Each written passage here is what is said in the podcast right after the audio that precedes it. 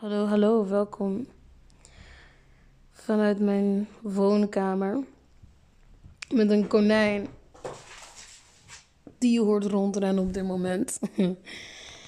Ehm, ja, ik wou het eigenlijk in deze podcast hebben over angst. En um, dit is eigenlijk de derde keer dat ik hem probeer op te nemen, want elke keer werd ik onderbroken en ik was echt niet zo zen als dat ik nu klink. maar um, ja, laat ik beginnen. Ik wil het graag hebben over wat angst voor mij betekent. Um, wat voor mij de oorzaken zijn. Uh, welke uiting het heeft. Effecten op mijn lichaam. Zorgen voor anderen en voor dieren. Zeg maar, wat doet het in mijn sociale leven? En um, ja, doen wat je, zeg maar, wat je dagelijkse ding dan is. En hoe je het stopt of hoe je ermee omgaat. Um, laat ik beginnen met eigenlijk wat voor mij de oorzaak is. Um, basically, toen ik. Het begon bij mij eigenlijk al bij mijn childhood, bij mijn kindertijd, omdat ik ben gepleegd samen met mijn tweelingzus, godzijdank. En plegen betekent eigenlijk adoptie, althans dat betekent het voor mij. Ik weet niet eens wat de officiële betekenis is, maar volgens mij betekent het adoptie in eigen land. Uh, en je mag je eigen achternaam dragen. Dus mijn zus en ik werden gepleegd. Toen we één waren, zijn we afgestaan. En toen we twee waren, kwamen we bij deze familie, die ik basically mijn vader en mijn moeder noem, want dat zijn ze voor mij. En, um, maar als baby zijnde hebben we het niet het allermakkelijkst gehad. En ik ga daar niet te ver op in, maar het gaat simpelweg al om dat je uh, bij geboortetrauma's, dus ja, stel je wordt geboren, maar je hebt een hele moeilijke bevalling zeg maar, uh, je bent er met heel veel moeite uitgekomen, um, kan dat al een soort van trauma opleveren. Klinkt echt heel sensitive, maar dat is letterlijk wat het is. Omdat je als baby zijnde het meest vatbaar bent voor alles wat er om je heen gebeurt. En dan tegelijkertijd. Um, nou, mijn zus en ik zijn in een couveuse, zeg maar, gelegd. Dus dat kan ook al trauma zijn. Want dan heb je geen uh, of weinig lichamelijk contact met je moeder, zeg maar. En dat is wat wij ook hebben gehad. Gelukkig hadden we elkaar. Ik weet ook niet of we samen in één couveuse kwamen. Ik weet niet of dat kan, maar um, dat. Dus dat heeft bij mij al een soort van... Dat is een, een trauma voor bestaansrecht. Um, en dan ook nog een jaar lang heel zwaar moeilijk hebben gehad. Uh, ook trauma opgelopen, zeg maar. Dus dan krijg je dat hele bestaansrecht. Als kind zijn hebben mijn zus en ik eigenlijk een heel, hele vrije, fijne opvoeding gehad. Altijd met familie, altijd met vrienden, altijd op school. Ik hield van school en ik hou nog steeds ongelooflijk veel van school. En dus ik had altijd plezier op school. Natuurlijk hadden we het af en toe moeilijk. Maar ja, dat hoort erbij. Uh, Totdat we gingen verhuizen en toen kwamen op een andere school waar echt iedereen totaal anders is. Er werd veel gepest, uh, veel buitengesloten. Dus nou, ik werd heel dominant. Um, en niet als in pesten. Want ik ben altijd juist degene die altijd voor degene opkwamen die gepest werden. Totdat ik zelf werd gepest op de middelbare school. Um, ik hield nog steeds heel veel van school. Ik ging alsnog naar school omdat ik er heel erg van hield, maar ik werd nog steeds gepest. En daardoor begon ik steeds meer angst te krijgen.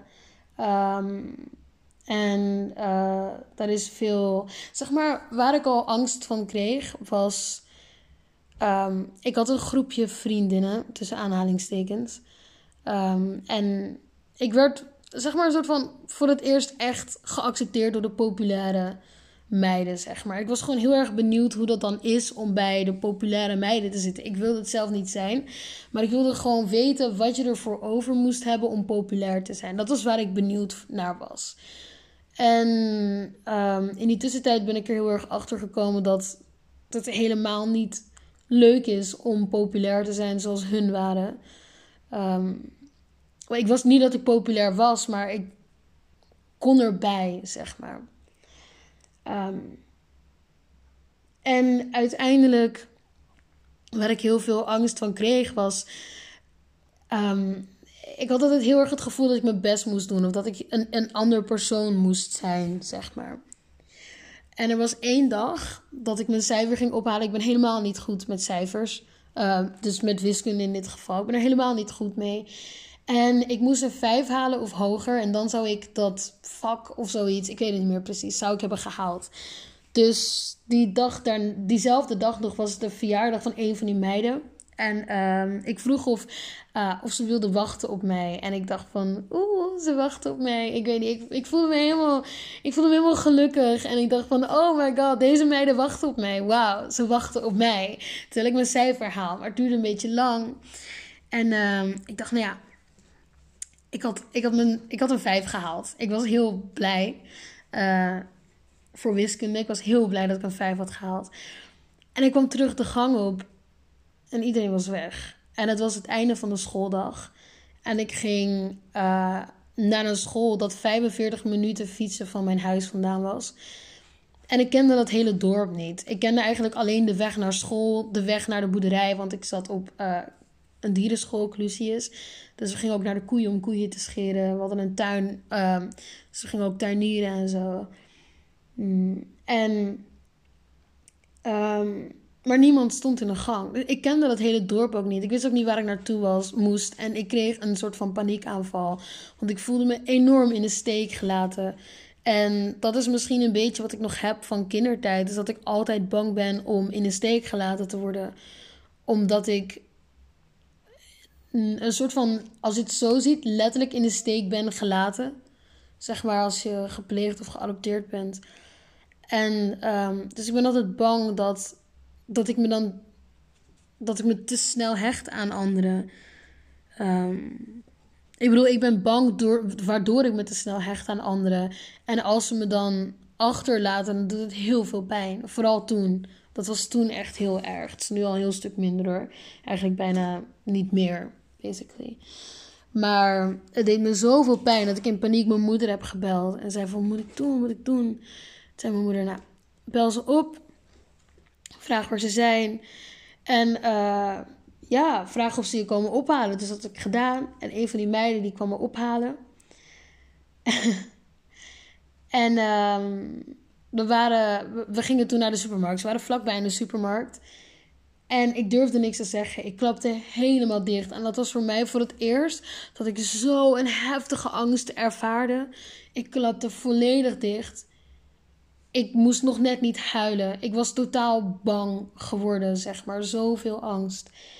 Um, en ik kreeg niks uit mijn keel. En ik probeerde te zeggen dat ik het best wel rot vond dat ze me hadden achtergelaten, maar ik kon het niet. En um, uiteindelijk was het me gelukt. Uh, ze vroeg ook van, gaat het wel? En, maar ik dacht van, maar menen ze dit wel? Menen ze wel dat ze vragen of het wel gaat? Sorry, mijn konijn zat aan mijn sandaal te kauwen. En hij doet die. En ik dacht, ze menen dit helemaal niet. Dus ik klapte daardoor nog meer dicht. En uiteindelijk lukt het me om het, om het te zeggen van... Ja, ik vond het best wel rot dat jullie niet op me hadden gewacht. Toen kreeg ik de vraag van, maar waarom? Je hebt helemaal niet gezegd van hoe. Ik zei, nou, ik heb het wel gevraagd. En het meisje voorop, die keek me aan en ze knikte en ze zei ja. dus jullie zouden op me wachten. Dat hadden jullie niet gedaan. En toen kreeg ik als antwoord terug. Nou, we hebben je toch opgehaald. Dus um, uh, iets met stel je niet zo aan of zeur niet zo. zo. Dus daar kwam het op, op uit. En dat deed me zoveel pijn. En vanaf toen dacht ik: oké, ik moet nooit meer zeggen wat ik voel tegen mensen. Want. En dat was zeg maar de angst die mij op dat moment echt het meest zeg maar, bekroop, eigenlijk. Uiteindelijk probeerde ik plezier te hebben um, op de verjaardag van een van die meisjes. Die trouwens hetzelfde ervaarde als ik met die meiden, um, de jarige. Uh, maar het lukte niet. En uiteindelijk heb ik toen via WhatsApp gezegd van... Hé hey meiden, ik wil nog even zeggen dat ik het best wel... Ja, ik zei kloten, want mijn moeder zei dat ik dat moest zeggen. Dat ik het best wel kloten vond dat jullie me hebben achtergelaten. En toen werd ik aan alle kanten uitgescholden. En ik werd gebeld door vriendinnen uit het dorp. Dus ze hadden van alles doorverteld.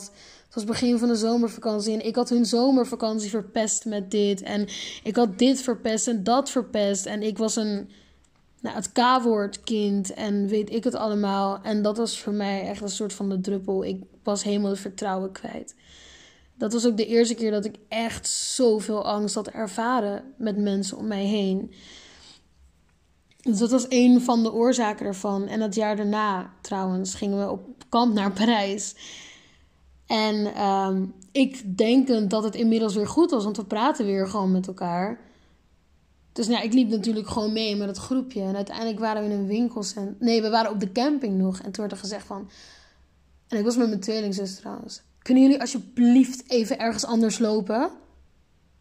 En ja, mijn zus en ik dachten van... Oké, nou het is goed. Weet je wel, we vatten alles heel lief op. Terwijl ze gewoon echt heel gemeen tegen ons waren. Dus wij liepen een andere kant op. We, hadden veel plezier. Het waren alleen mijn zus en ik, hè. En toen even later waren we in een winkelcentrum en toen werd er tegen ons gezegd: Kunnen jullie alsjeblieft weggaan? En toen dacht ik, huh? Dus ik zei van, huh, horen wij er dan niet bij? En toen kreeg we als antwoord, weet ik niet. En dat deed me zoveel pijn, omdat zij waren degene die mij overal bij betrokken. En daardoor kwam er nog meer angst. Want ik wil niet per se zeggen dat ik was alleen, want ik had mijn tweelingzus gelukkig nog. Maar ik was gedumpt in Parijs, zeg maar, door mijn vriendinnen, tussen aanhalingstekens. Deed heel veel pijn. Dus dat was een van de redenen. En dat hele schooljaar door trouwens, zaten bij elkaar in de klas. Werden tegen mij gezegd van, als grapje, je bent dik, je stinkt, je bent lelijk. Dus altijd gepest. Ook al was het een grapje, ze meenden het ergens. En het heeft me zo onzeker gemaakt dat toen ik naar de filmacteuropleiding ging, ik. Ehm, omdat je daar letterlijk in de picture staat, je staat letterlijk in de spotlight. Als we in de cirkel zaten om iets te bespreken op de grond in de studio, kroop ik langzaamaan steeds verder naar achter. En ik kroop onder een tafel totdat ik dacht dat niemand me zag. Maar de docent zag me altijd en zei altijd: Ramona, kom onder die tafel vandaan. Weet je, kom weer in de kring zitten. Op een hele lieve manier. Waardoor ik het gevoel had dat ik werd gezien. Maar ehm, ik had nog steeds last van angst en onzekerheid. En ik had totaal geen bestaansrecht meer. Dus ook als we oefeningen deden, kroop ik achter de gordijnen. Omdat ik dan dacht van, oh, nu is er weer meer ruimte voor iemand om daar te lopen. En daar heb ik nu nog steeds heel veel moeite mee. Mijn totale bestaansrecht was weg. En door de angst om geaccepteerd te worden door het jaar heen, ehm, zag ik dat mensen steeds beter werden. En ik bleef maar telkens lage cijfers halen. Ehm, ik viel voor mijn gevoel helemaal niet af. Dus ontwikkelde ik een soort van eetstoornis. Ik heb er letterlijk voor gepland, omdat ik dacht: dit is wat ik moet doen. Iedereen valt af en ik niet. Dus dat deed ik dan. Um, op de middelbare raakte ik trouwens ook nog depressief. Uh, en dan met een eetstoornis daarbij wordt het eigenlijk alleen maar erger. Toen ik naar theateropleiding ging, um, had ik nog steeds die eetstoornis. En het bleef heel lang doorspelen eigenlijk. Het deed heel veel pijn, omdat ik mezelf de hele tijd kapot aan het maken was. Om niks, uiteindelijk. En ik heb nog steeds moeite om hierover te praten, omdat ik er eigenlijk nooit over heb. Ehm, maar dat dus. Uiteindelijk ehm, is het natuurlijk wel een stuk beter geworden. Maar ik struggle nog, nog steeds met angst. En dan voornamelijk op dit moment. Lulu is de aan het rennen. maar um, voornamelijk op dit moment omdat ik me eigenlijk een, sinds 2018 ben ik afgestudeerd van de theateropleiding. En ik heb heel veel geprobeerd om iets te doen qua entertainment. Dus de muziek in wilde ik heel graag, maar dat lukte niet. Puur omdat ik gewoon te, te angstig was om daadwerkelijk actie te ondernemen. Ik ben uiteindelijk naar Engeland gegaan. Dat is een totaal ander verhaal. En dat was uh, heel heftig. Ik weet niet, misschien heb ik het er al een keer over gehad. Maar dat was heel heftig. Werkte uiteindelijk totaal niet. Waardoor ik nog meer angst ontwikkelde eigenlijk.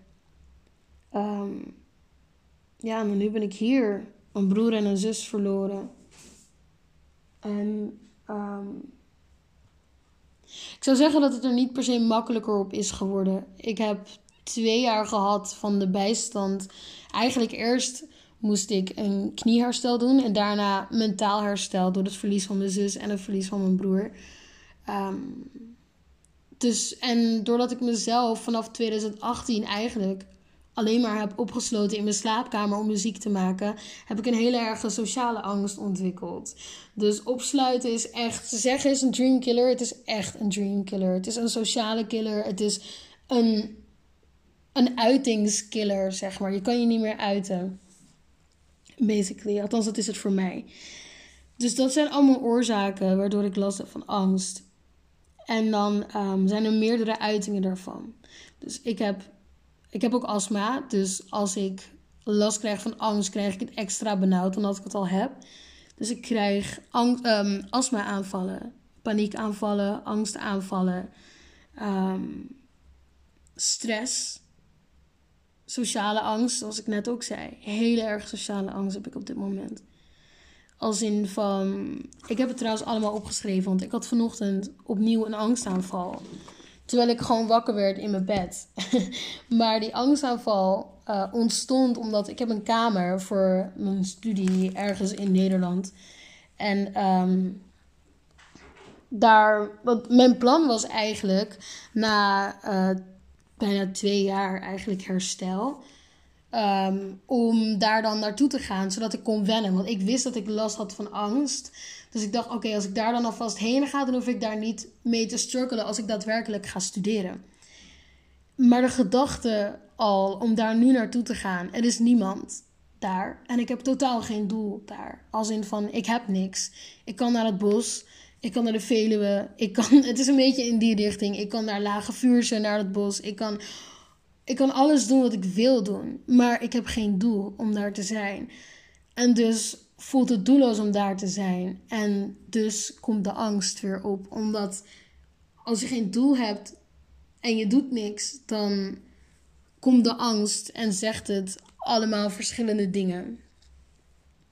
Ehm, ik kan trouwens een beetje voorlezen wat voor mij de angst doet.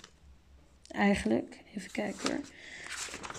Waar is het? Basically, het begint hierbij bijvoorbeeld van. Dit is letterlijk wat de angst zegt. Oh nee, je gaat straks helemaal alleen naar je kamer toe. En wat nou als je een angst of een paniekaanval krijgt? Dan is er niemand. En die persoon is alleen het weekend, die persoon is weg. En um, je hebt helemaal niks te doen. Je gaat echt niet elke dag naar het bos. Je hebt ook geen leesboek. Um, kijken wat nog meer. Dus het is elke keer als in van het gaat door en door. Ehm, wat ga je straks doen als je daar bent? En even kijken, nog meer oplezen. Wat ga je daar straks doen als je daar bent? En want de vorige keer had ik namelijk een, een ervaring. Ik had heel erg last van angst. Dus ik zit op mijn kamer en dan denk ik ook, ik ga eruit en ik ga mijn tanden poetsen en douchen en ik ga wat doen met mijn dag. Maar ik ben helemaal verstijfd. Dat is wat ik ervaar lichamelijk. Totale verstijfdheid.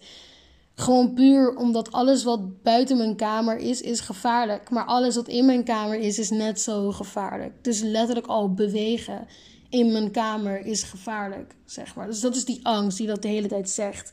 En het begon eigenlijk, ik zou zeggen onschuldig, ook al is het niet onschuldig, want dit is de reden. Dit zijn de eerste gedachten die ik krijg, waardoor ik last krijg van angst. Um, dan heb ik ook nog een pony.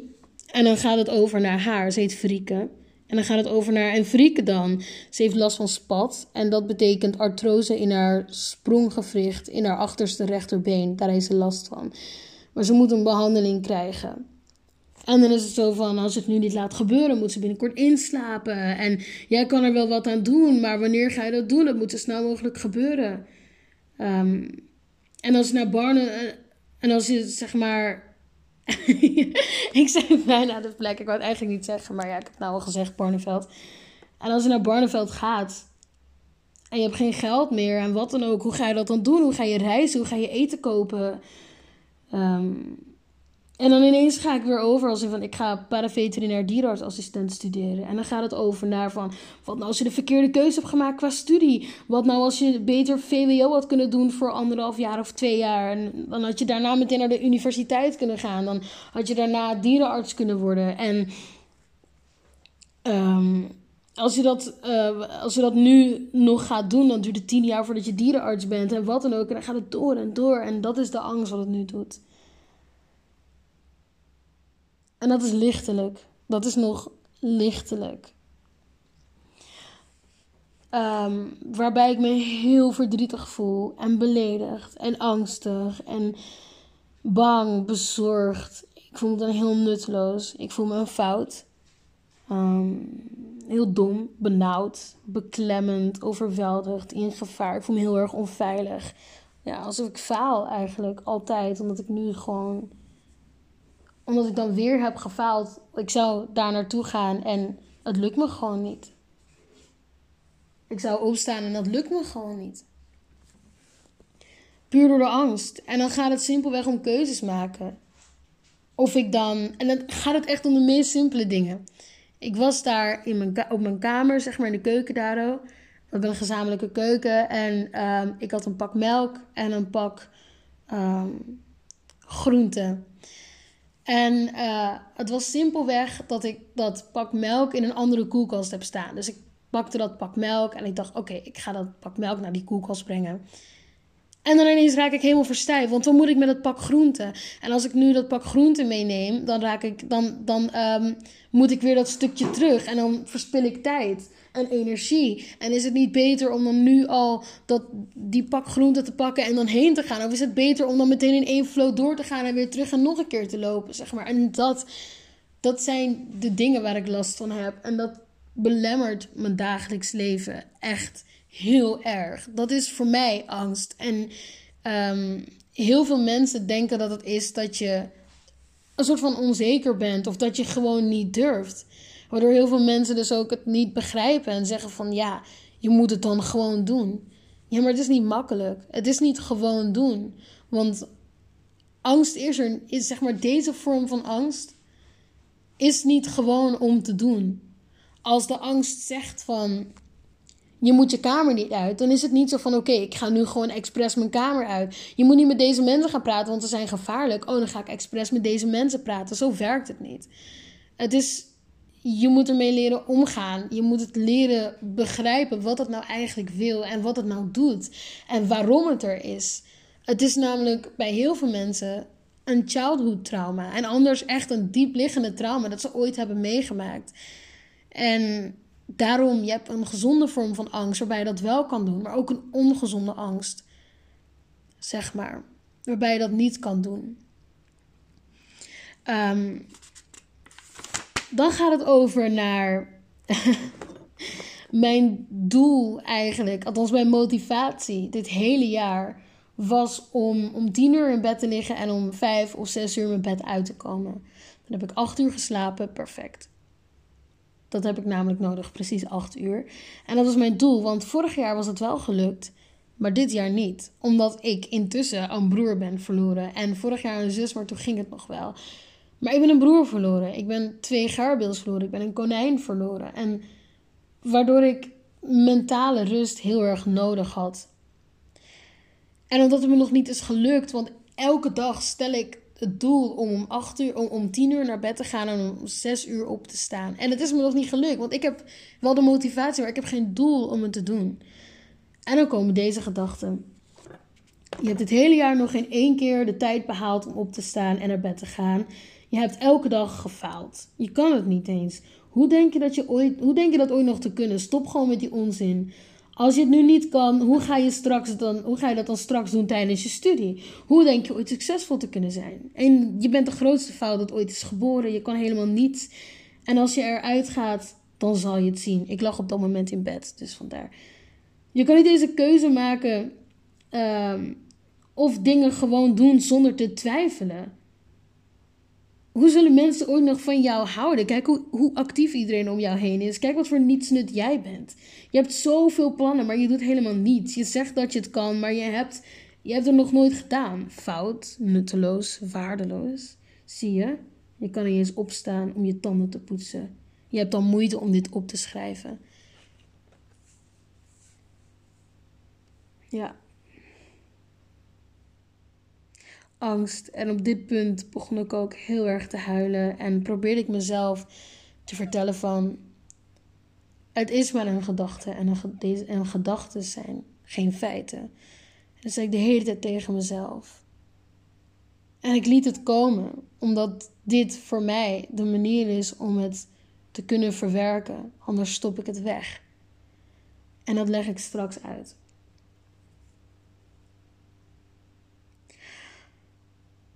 Het is oké als het niet lukt. En als het hier gaat om keuzes maken van oké, ik ga echt om tien uur slapen. Het is nu alweer bijna elf uur trouwens. Ik ga echt om tien uur slapen en echt om zes uur op. Die keuzes heb ik niet op dit moment, omdat ik geen doel heb. Het is van ik kan kiezen en ik kan het doen en ik doe het nu, maar ik heb geen doel. Dus ik ben wel gemotiveerd om het te doen. Eigenlijk ben ik gemotiveerd om het te doen zodat ik me morgen niet rot voel dat ik het, niet, dat ik het weer niet heb gedaan. En dat ik dan eindelijk kan zeggen van het is me gelukt. Terwijl als dat de reden is om het te doen voor mij op dit moment en ik heb voor de rest totaal geen doel. Dat was Lulu, die verder aan het rennen was. Maar ik heb voor de rest geen doel. Dan kan je, dat, dan, dan kan je wel gemotiveerd zijn. Maar als je geen doel hebt, dan, dan is het onmogelijk om te doen. Ik heb uh, geprobeerd me aan schema's te houden. Maar ik heb geen doel. Mijn doel eigenlijk, wat ik heb gesteld met het jongerenloket en met mijn psycholoog, is juist niets doen. Is rust houden. Is geen verplichtingen op mezelf leggen. Dat is mijn doel om vervolgens te kunnen herstellen, mentaal en fysiek. En het rustig aan op te bouwen, maar niet met een verplichting om het op te bouwen. Mijn doel was dat ik uiteindelijk, ik zou extra tijd krijgen zodat ik rustig aan kon beginnen met mijn nieuwe studie die in september begint. Dat was het doel van deze tijd en deze rust nemen en dat vergeet ik door de angst. Omdat de angst de hele tijd zegt van, oh maar mensen kunnen zien dat je nu nog steeds wakker bent om twee uur s'nachts. Oh, dat zullen mensen wel niet denken om je heen. Oh, ze zullen wel boos zijn, want hun werken hard en jij geniet eigenlijk van jouw uitkeringje en, en van de bijstand. Terwijl andere mensen er vet hard voor werken. Terwijl ik letterlijk niet in staat ben om iets om te gaan werken mentaal. Juist omdat ik met dit soort dingen struggle. En daar heb ik extra tijd voor gekregen. En het is me maar misschien in totaal een maand gelukt in het hele jaar om me daarbij chill te voelen. En het te waarderen zoals het is. Al die andere tijd heb ik gewoon last gehad van angst waarbij mijn lichaam, mijn hele plexus spant zich aan. Ik verstijf, ik huil. Gespannen was ik op dit moment ook. En toen ging het weer door. En toen ging het ineens naar, kijk hoe dik je bent. Je kan niet eens slank zijn tijdens je tijdverspillende herstel. Dus mijn hele herstel werd gezien als tijdverspilling. Je zal nooit rijk worden. Mensen houden niet eens van jou. Ze bellen je niet. Je zus is al drie dagen weg. En mensen maken geen tijd voor jou. En wat moet je, wat moet je nou als eerste doen, hè? Zie je, je kan niet eens keuzes maken. Je kan alleen maar in bed liggen en je ouders teleurstellen. Dat is wat de angst, zeg maar. Dat is wat ik net allemaal oplas. En daarvoor ook. Is echt het heftigst wat mij is overkomen qua angst. En ik heb inmiddels geleerd dat angst er is om jou te beschermen van gevaar. En in dit geval is de gevaar eigenlijk alles om mij heen, maar tegelijkertijd ook de angst. Want zoals ik net al zei, je kan niet eens keuzes maken. Ik kan geen keuzes maken door de angst, maar de angst gooit die verantwoordelijkheid op mij. Ik kan geen keuzes maken doordat de angst zegt van nee, nee, je moet het niet doen. Je moet het anders doen of moet je het wel zo doen. Waardoor ik geen keuzes kan maken, zeg maar. Maar nu ligt het bij mij dat ik geen keuzes kan maken, snap je? Dus die angst, dat, dat twist helemaal om. Al gaat het simpelweg om naar het dorp te gaan in Barneveld en daar rond te lopen. Het gaat helemaal goed totdat er één persoon is dat je net op een andere manier aanspreekt. En ik zelf neem het helemaal niet tot hart. Maar de angst neemt het heel persoonlijk als in van... Zie je, ik had het gezegd. Je had binnen moeten blijven. Je had in je kamer moeten blijven. Want nu heb je dit meegemaakt en iemand heeft jou pijn gedaan. Dat kan helemaal niet. En ik had je gewaarschuwd. Zie je, nou, ga maar naar huis, sluit je op en kom er niet meer uit. Want buiten is het gevaar. Terwijl er buiten helemaal niks is.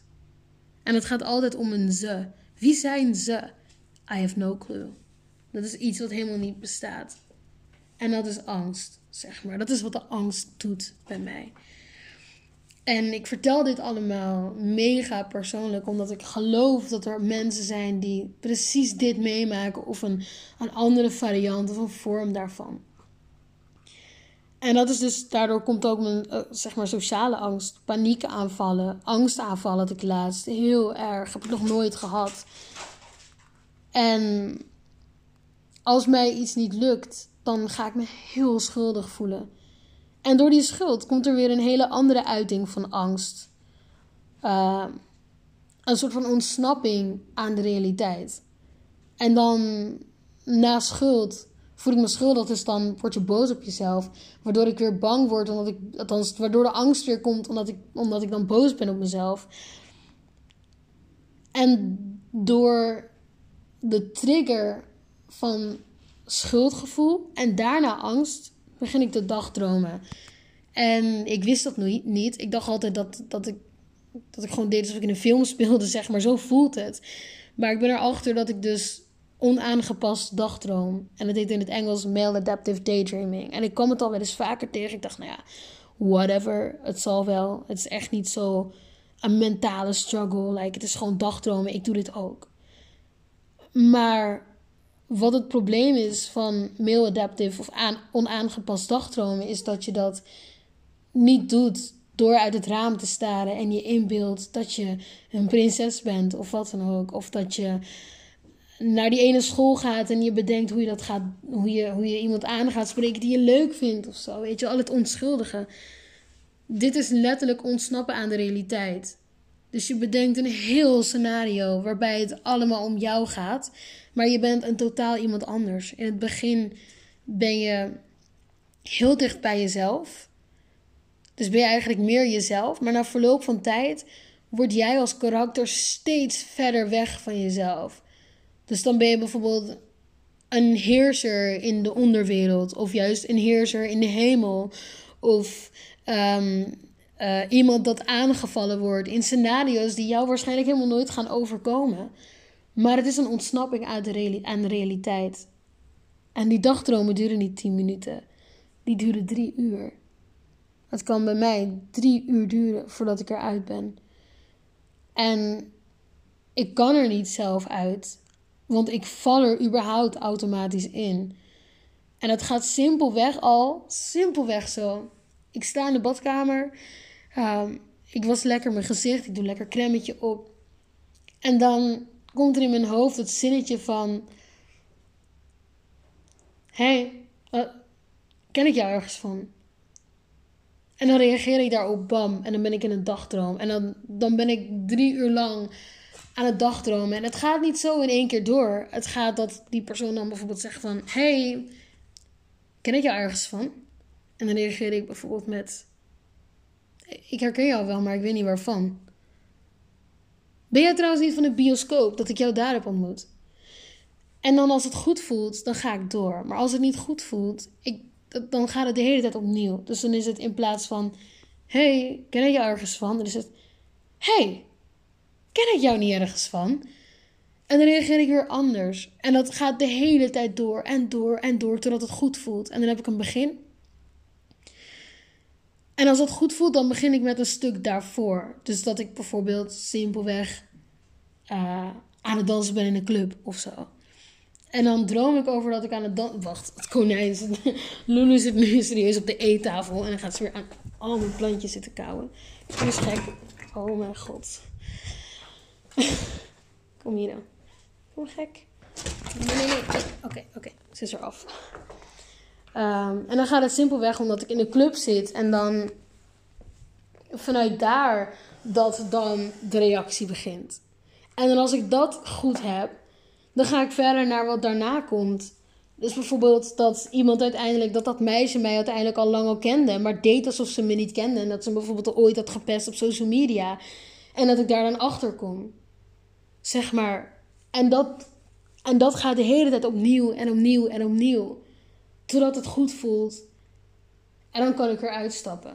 En dan doe ik het niet eens vrijwillig, maar dan is het zo van: oké, de dagdroom is voorbij. En dat kan drie uur duren. Dus ik herhaal drie uur lang precies hetzelfde.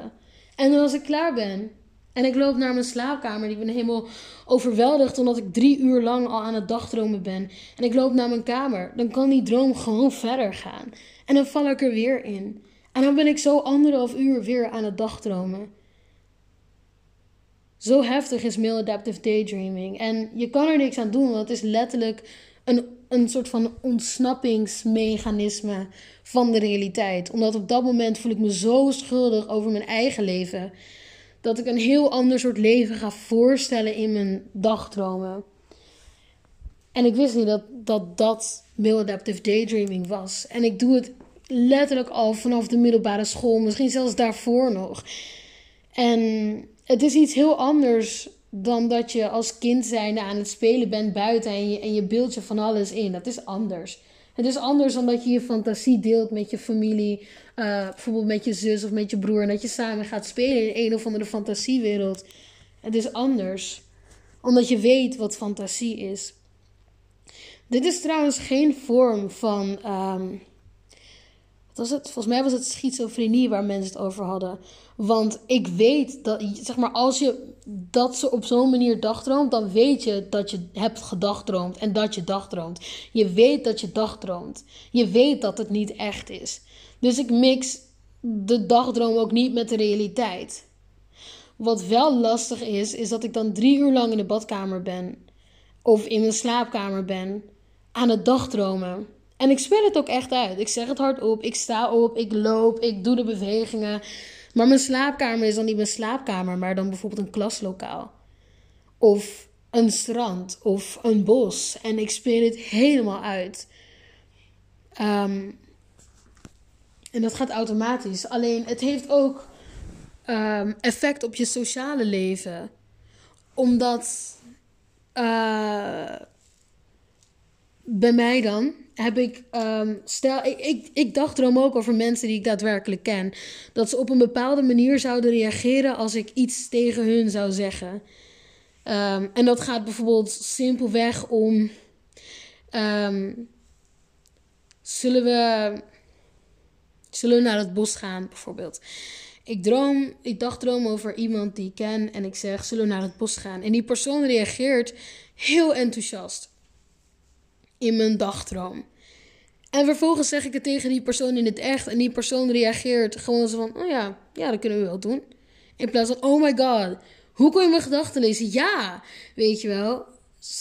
Mensen reageren anders in je dagdroom dan in het echt. En mensen reageren anders in het echt dan in je dagdroom. Dus omdat ik dat heb gedagdroomd. En ik vraag wat ik in mijn dagdroom heb gevraagd aan een persoon in het echt. Heb ik een verwachting ingesteld. En als die mensen dan niet reageren zoals het ging in mijn dagdroom, dan heb je een verwachting dat niet wordt waargemaakt, zeg maar. Het is heel apart. Waardoor, je, waardoor ik vooral in het begin heel erg beledigd raakte. Omdat ik dacht van, hè, maar je zou anders moeten reageren. Zo zou je niet reageren, weet je wel.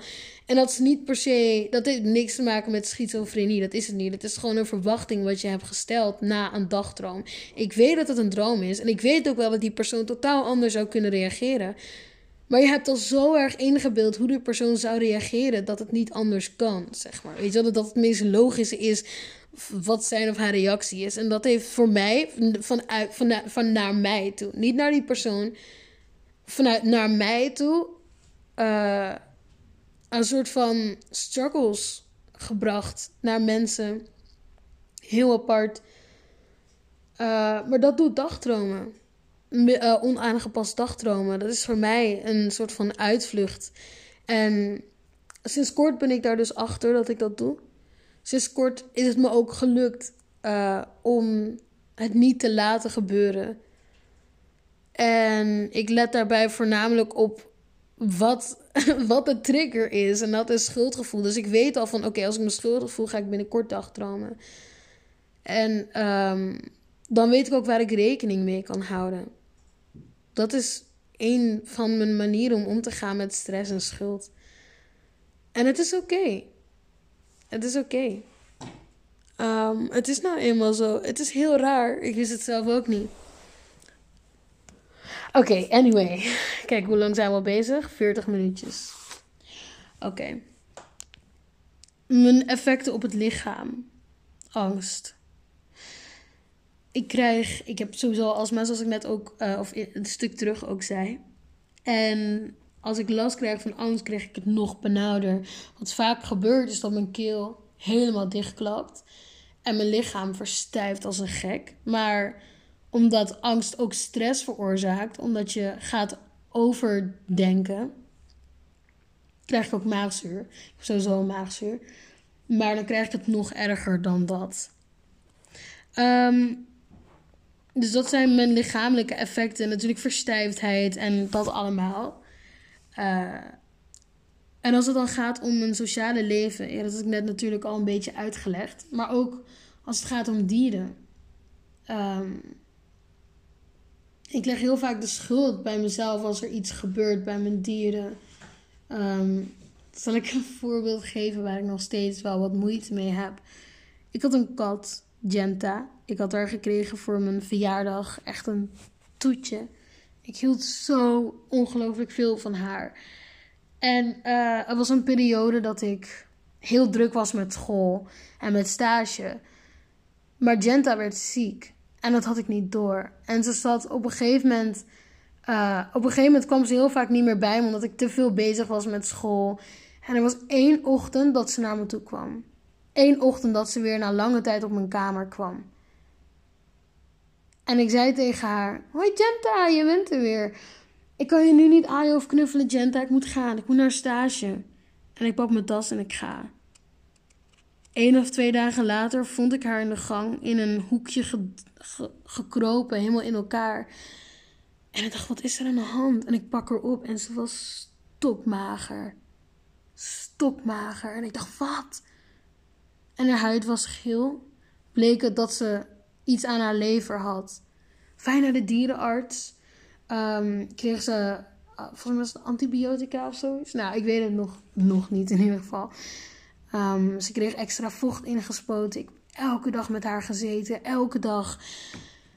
En ik heb er geen moment alleen gelaten, behalve als ik naar stage moest. Maar dan zorgde ik ervoor dat een van mijn familieleden voor haar kon zorgen. En uiteindelijk is ze overleden. En ik heb in mezelf heel lang verwijt um, dat ik niet naar haar heb geluisterd toen ze naar me toe kwam. En daar heb ik nog steeds moeite mee. Ik verwijt mezelf er nog steeds want ik had het kunnen weten. Maar tegelijkertijd had ik het ook niet kunnen weten, omdat katten vooral laten het nooit weten als er iets is. Althans, nooit zo snel. Ze was sowieso al te laat om naar me toe te komen. Het is niet dat ik er nooit knuffelde, dat is het niet, absoluut niet. Ik knuffelde haar elke dag. Ik was elke dag bij haar. Alleen ik had totaal niet door dat ze zo dun was geworden. En dat ze zo stilletjes was geworden. Ah, Lulu. Omdat ik zelf ook bezig was. En zij was zelf ook altijd buiten. Ze was echt een buitenkat. En ja, dan komt de angst weer van, zie je, je hebt gefaald. Je hebt gefaald. Je had maar één taak en dat was voor haar zorgen en je hebt gefaald. Je moet nooit meer een huisje nemen. Je moet nooit meer een kat nemen. Nooit meer dit, nooit meer dat. En daarna was ik ook nog eens mijn kitten verloren, omdat zij was aangereden. En dat was precies op de dag ehm, dat ik elke, elke ochtend of elke dag als ze naar buiten ging, liep ik naar haar toe en gaf ik haar een snoepje. En precies deze dag niet. Precies deze dag niet. Mijn vader liet haar eruit. Ik gaf haar geen snoepje. En toen die ochtend was ze aangereden. Toen vond mijn vader haar en ik heb haar gezien en het was verschrikkelijk. En toen was het helemaal klaar. Toen was het helemaal klaar. ze begon net op te helderen, zeg maar. Ze was een beetje een angstige kitten. Toen was het helemaal klaar. Toen dacht ik, wel, ik ben echt geen huisdierwaardig. Echt niet. Terwijl ik kan er niks aan doen, dat ze was aangereden. En toch voelt het moeilijk om dat toe te geven, zeg maar. En toen kwam de angst nog, zeg maar, dat was volgens mij, dat was voordat Genta, zij heette Phoebe, voordat Genta uh, overleed, was zij al overleden, aangereden basically. Toen heb ik mezelf heel lang, ben ik heel lang angstig geweest om weer te moeten zorgen voor een nieuw dier. Ik heb intussen alweer een kat. Um, Runa, echt een gestoord, gestoord diertje is hij. Um, en, maar de angst kwam daarvan ook weer van, ja, je hebt gefaald. Je had maar één taak en dat was voor haar zorgen en voor die ander ook. En je hebt gewoon gefaald. En ja, zo gaat angst door. Dus het zorgen voor dieren is heel lastig, omdat ik nu gewoon bang ben om te falen. Om een dier niet te beschermen. En intussen ben ik twee gerbels kwijt die ziek waren, waar ik letterlijk niks aan kon doen. En een konijn kwijt die was verdronken in een waterton. Ik heb hem gevonden in de waterton. Terwijl er een deksel op zat, maar er zat een gat in. En niemand had ooit gedacht dat hij in dat gat zou kruipen. En toen is hij verdronken. En dat was verschrikkelijk. Wat doe jij?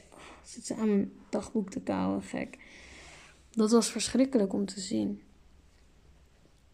En vanaf toen heb ik eigenlijk ook gezegd: Weet je, het is goed zo. Ik ga nu geen dier nemen. Niet per se. Eerst was het vanuit angst, maar ik heb het besproken met mijn psycholoog. Ik ga gewoon geen dier nemen op dit moment, omdat ik er mentaal gewoon nog even niet aan toe ben. En dat is oké. Want ik vind dat je, althans, ik vind dat ik geen dier moet nemen als ik er niet voor kan zorgen. Dus ik ga het ook niet doen. Ik moet eerst ervoor zorgen dat ik zelf goed op de rit ben. En dan komt de rest om me heen zeg maar. Zoals ik net al eerder ook had verteld, is dat men zegt van, oh, maar als je ergens, als je last hebt van angst, dan moet je het gewoon doen. En dat is wat mensen tegen me zeggen. Dan probeer ik uit te leggen dat dat niet zomaar kan, maar voor mensen die geen angst hebben meegemaakt. Ik kan zo erg begrijpen dat je dan gewoon zoiets hebt van: doe het gewoon. Waar zit je mee? Weet je, doe het gewoon. Je hebt angst, je weet hoe het zit. Doe het gewoon. But it doesn't work like that. Omdat, ah, het is, zo, het is zo moeilijk om te beschrijven hoe dat zit.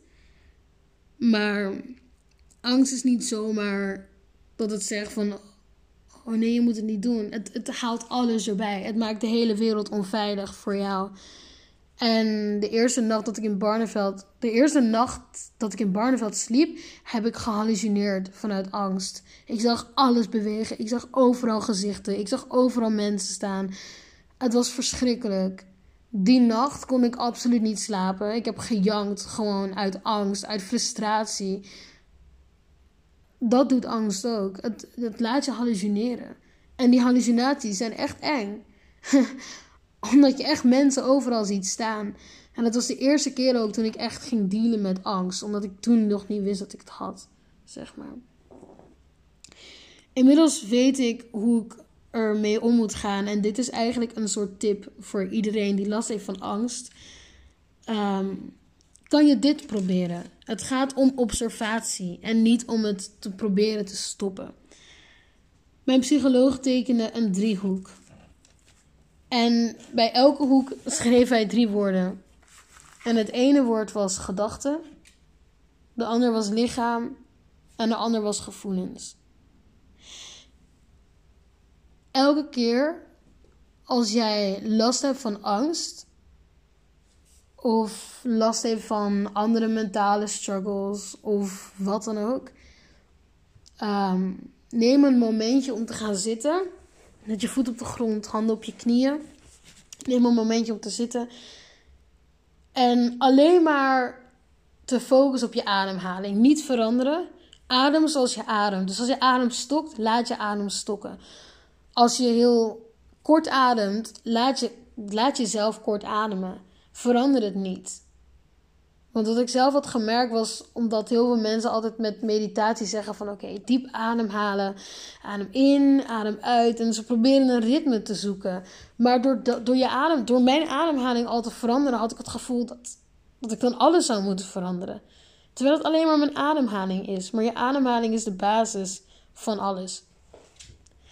Dus zit en richt je alleen maar op je ademhaling. En de rest gebeurt vanzelf. Wat je hiermee doet is jezelf van je gedachten afzetten.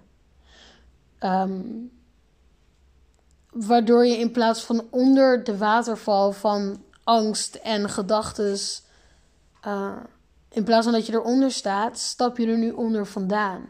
En vanuit daar kan je het observeren. Dus kijk met een zachte blik naar wat jouw gedachten eigenlijk allemaal zeggen. En oordeel niet. Probeer bepaalde gedachten niet weg te duwen. Probeer ze niet weg te stoppen. Wees niet boos. Wees niet. Weet je wel, laat ze gewoon toe. Lulu, lieve. Kom. Ik zit alle papieren te kauwen hier. Maar laat je gedachten gewoon wat ze zijn. En het is heel moeilijk. Dus ik adviseer ook niet per se om dat nu zo in je eentje zo hoppa te doen. Uh, en het gaat ook niet zo in één keer. Het duurt, het, duurt het, het is oefenen om het, zeg maar, oh mijn god, aan het raden. Nee, nee, nee. Ah, ga weg, Hiro. Ga weg, Hiro, Toetie. Pop, pop. Chop, chop. um, ja, dus probeer, doe het niet zomaar in één keer, want het kan heel heftig zijn. Um, omdat je dan ineens geconfronteerd wordt met dieper liggende gedachten. Daarom ook de eerste gedachten die ik had, waren niet zo heftig. Maar doordat ik die oefening heb gedaan en onder de waterval van gedachten vandaan stap, dan pas komen de dieper liggende, pijnlijke, enge, gemene gedachten komen op. En die heb je in het begin niet. Want eerst moet je door de laag die je wel tolereert. En de laag die jij niet tolereert, die ligt veel dieper. Dus daarom waren de laatste gedachten zo heftig. Wat je dan kan doen, is ehm, de driehoek gebruiken. En dan heb je lichaam, gedachten, gevoelens. En dan ga je eens bedenken van oké, wat, wat zijn eigenlijk alle gedachten die in mij opkomen? En dan gaat het simpelweg om een ruzie die je hebt gehad. Wat waren de gedachten die bij mij opkwamen toen ik ruzie kreeg met die persoon? En dan, je kan ze gewoon voor jezelf opschrijven. Ik vind het fijn om het op te schrijven, dan is het uit mijn hoofd. Dus je, je kan ze opschrijven. Wat, wat, wat gebeurde er in mijn lichaam toen de ruzie opkwam? Wat gebeurde er toen? En wat voor gevoelens kreeg ik daarbij? Mm, vaak speelt angst ook een rol. En uit angst verdedig je jezelf heel snel, zeg maar. Dus angst is vaak een grote maar onveiligheid is vaak een van de grootste reacties van jouw emoties, zeg maar. Hierdoor heb je nu eigenlijk drie dingen van elkaar afgescheiden. En dat zijn gevoelens, gedachten uh, en je lichamelijk. Nu heb je jezelf geobserveerd. Blijf alsjeblieft van mijn dagboek af, Leonie. nu heb je jezelf geobserveerd en Ehm, je hebt dan, als het je lukt, want het natuurlijk oefening baart kunst, um, weet je nu wat de angst eigenlijk allemaal tegen jou zegt. En op die manier ben ik erachter gekomen dat de angst me eigenlijk de hele tijd heeft geprobeerd te beschermen om mij veilig te houden. Maar tegelijkertijd houdt het me weg van sociale activiteiten, houdt het mij weg van plezier en houdt het mij weg van um, bestaansrecht. Het is eigenlijk je zou kunnen zeggen heel onschuldig, maar zo onschuldig is het ook weer niet, zeg maar. Maar ik weet nu wel wat het betekent en wat het doet. Dus ik heb echt een obsessie met mijn dagboek. Stop, Lulu. Stop. Goed zo. Dus dat is een oefening die je zou kunnen doen. Ehm, als je een psycholoog hebt, bespreek het met je psycholoog en spring er niet in één keer in, want dat kan heel heftig zijn. Op deze manier heb ik leren omgaan met angst en leer ik nu omgaan met dagdromen. Leer ik omgaan met um, moeilijke situaties als simpelweg voor mezelf opkomen. Wat, wat gebeurt in mijn lichaam? Wat zijn de gedachten en hoe voel ik me hierbij? Hele simpele oefening met mega wonderen, zeg maar. Maar het is heel zwaar. Heel zwaar. Echt, echt heel zwaar. En ook, het kan ook heel beangstigend zijn, zeg maar. Dus je leert ermee omgaan. Je leert het niet te stoppen. En doordat je ehm, nu die drie aspecten van elkaar hebt uh, gescheiden, heb je nu een keuze. Dus stel, um, ik gebruik altijd dit voorbeeld. Stel, je hebt een weg en je moest eigenlijk rechts afslaan, maar je, was, je hebt de afslag gemist. Je fietst en je zou eigenlijk rechts afslaan, maar je hebt de afslag gemist. En je gaat per ongeluk rechtdoor. Wat er bij mij gebeurt, of nou, in ieder geval in dit geval, dus bij de angst, dan vaak, althans bij mij gebeurt het dan dat ik een soort van verstijf van, oh nee, nu moet ik omdraaien. En oh, wat zullen mensen wel niet van jou denken dat je hier omdraait? Zullen ze je niet dom vinden? En zullen ze je uitlachen dat je hier gaat omdraaien? Het is echt iets super kleins, maar daar krijg ik al angst bij. Daar komt de angst eigenlijk al op spelen. Puur uit bescherming dat ik mezelf niet verneder door om te draaien. Simpel as that. En toch de afslag te nemen. Maar door even onder die waterval van gedachten vandaan te stappen, maak ik nu een keuze. Dus in plaats van tegen de angst in te gaan en om te draaien te gaan, waardoor de angst alleen maar opbouwt, laat ik de angst even zijn. En laat ik de angst even zeggen wat het wil zeggen. Laat ik me even voelen wat ik, wat ik op dat moment voel. En dan creëer je een keuze. Want nu heb ik de keuze van: oké, weet je wat? Kies ik ervoor om rechtdoor te gaan en om te rijden? Of kies ik ervoor om om te draaien en toch die afslag te nemen? En dan is het niet meer vanuit ik tegen de angst of vanuit ehm, ik ga nu rechtdoor vanuit de angst, maar ik ga nu rechtdoor vanuit mezelf. Of ik ga nu uh, omdraaien en afslag nemen vanuit mezelf. En ik heb de angst even laten zijn. En daar gaat het uiteindelijk om. Dat je een keuze creëert voor jezelf. In plaats van dat de angst jou geen keuze laat. En het je heel moeilijk maakt. Daarnaast is het ook belangrijk om te leren dat. Um, dat heeft mijn psycholoog ook uitgelegd. En dat heeft me heel veel opgehelderd. Gedachten lijken echt, maar ze zijn niet echt.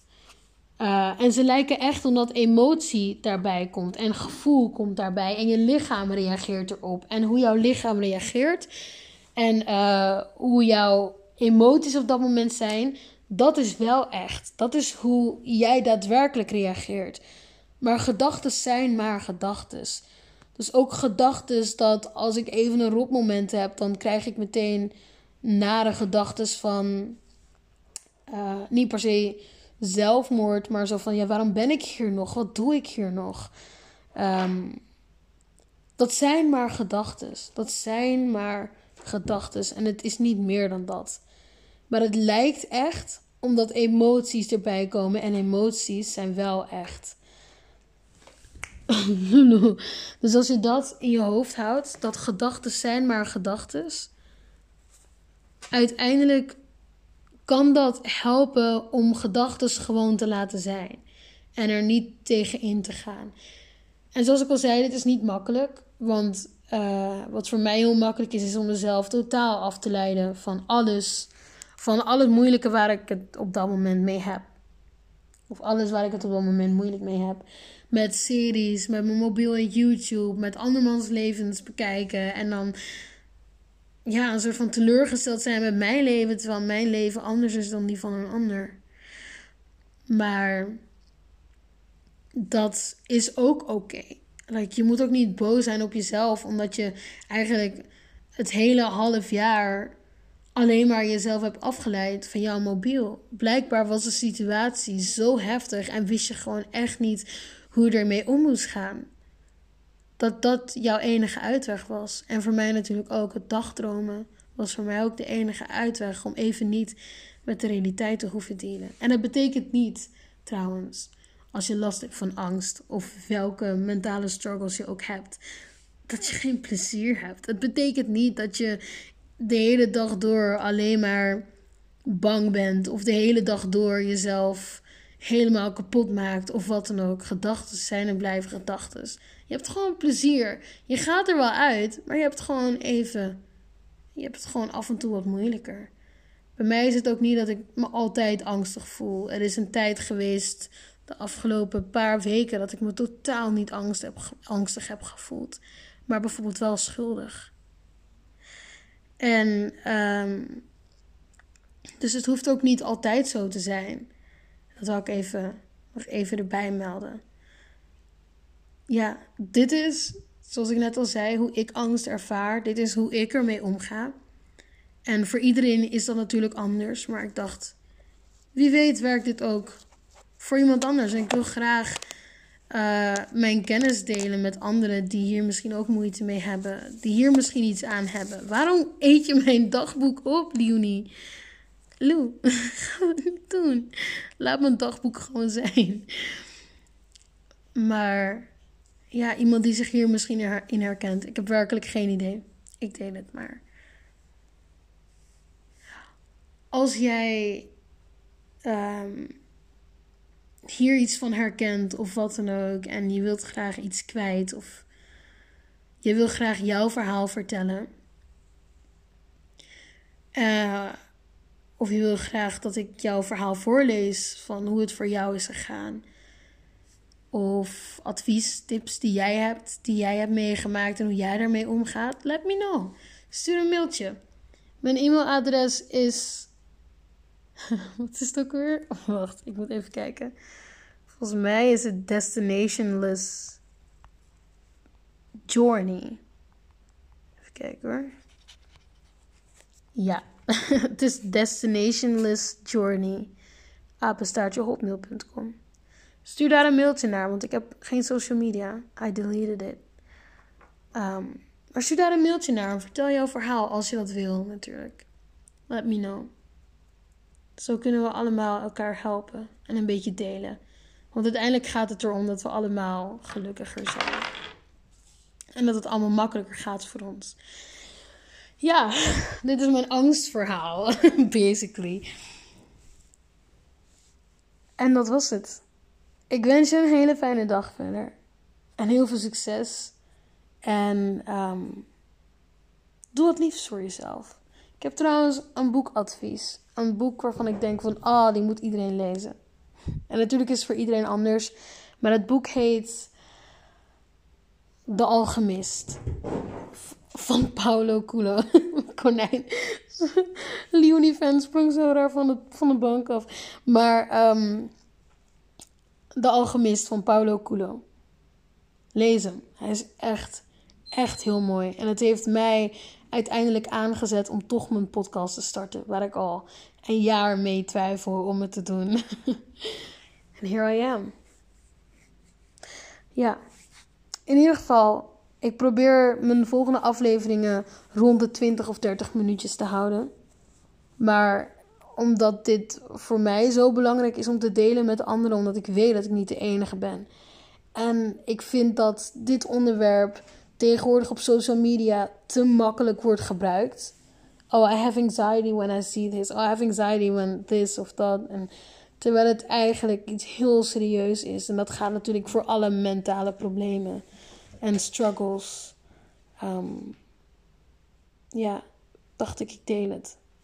Oké, nu ga ik er echt vandoor. fijne avond, of fijne middag, of fijne ochtend. Slaap lekker, of doe wat je doet. Hele dikke knuffels. Doei, doei.